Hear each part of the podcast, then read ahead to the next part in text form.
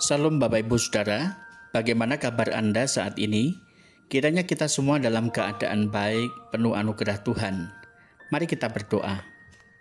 Tuhan Yesus yang maha baik, kami bersyukur oleh karena Engkau mengutus Allah Roh Kudus menyertai kehidupan kami, menolong kami supaya kami mampu memahami dan melakukan kehendak-Mu.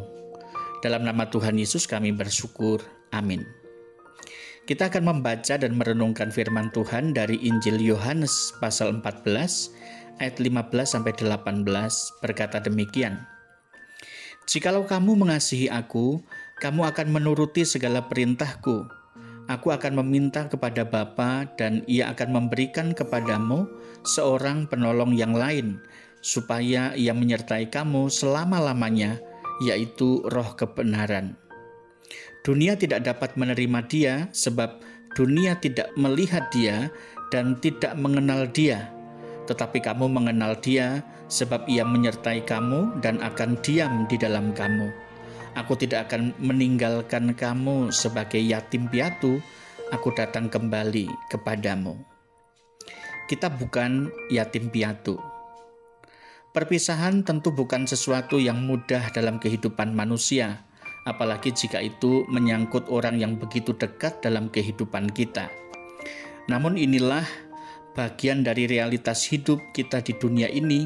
Ada saatnya kita bertemu dan bersama-sama, kemudian ada waktunya kita untuk berpisah dalam waktu yang tertentu, atau bahkan tidak akan bertemu kembali. Inilah yang dialami oleh para murid ketika Tuhan Yesus memberitahukan kepada mereka bahwa Ia akan pergi meninggalkan mereka untuk waktu tertentu. Selama ini, para murid sudah merasa nyaman dan aman hidup bersama-sama dengan Tuhan Yesus. Mereka menyaksikan Yesus membuat mukjizat ketika mereka sedang menghadapi pergumulan. Mereka tidak perlu khawatir akan hidup mereka rasanya semuanya sudah terjamin ketika Yesus ada bersama-sama dengan mereka. Tetapi kemudian para murid mendengar bahwa Yesus akan meninggalkan mereka semua. Tentu para murid panik.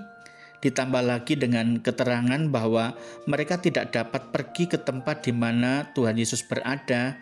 Mereka diminta untuk menunggu dalam waktu tertentu yang belum pasti bagi mereka. Tentu saja hal ini menambah kegelisahan hati para murid.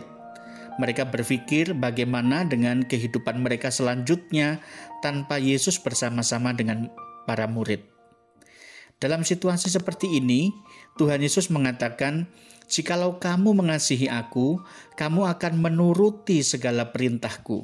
Yang dilanjutkan dengan janji bahwa Tuhan Yesus akan mengirim seorang penolong yang lain, yaitu Roh Kebenaran, dia yang menyertai para murid untuk memahami kehendak Tuhan dan memampukan mereka melakukan dalam kehidupan mereka sehari-hari. Roh itu akan menyertai orang-orang yang mengasihi Tuhan Yesus, yaitu mereka orang-orang yang hidup taat dan melakukan kehendak Tuhan.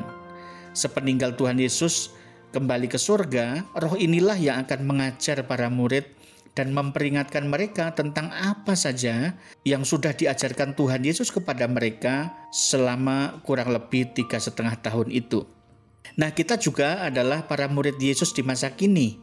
Kita memang tidak pernah secara langsung melihat Tuhan Yesus dengan fisik, namun kehadiran Roh Kudus menjadi jaminan bagi kita untuk memahami kehendak Tuhan dan melakukannya serta kelak suatu saat kita akan bertemu langsung muka dengan muka dengan Tuhan Yesus sendiri yang menjemput semua murid-muridnya sebab demikianlah ia berjanji kepada murid-muridnya dari zaman ke zaman.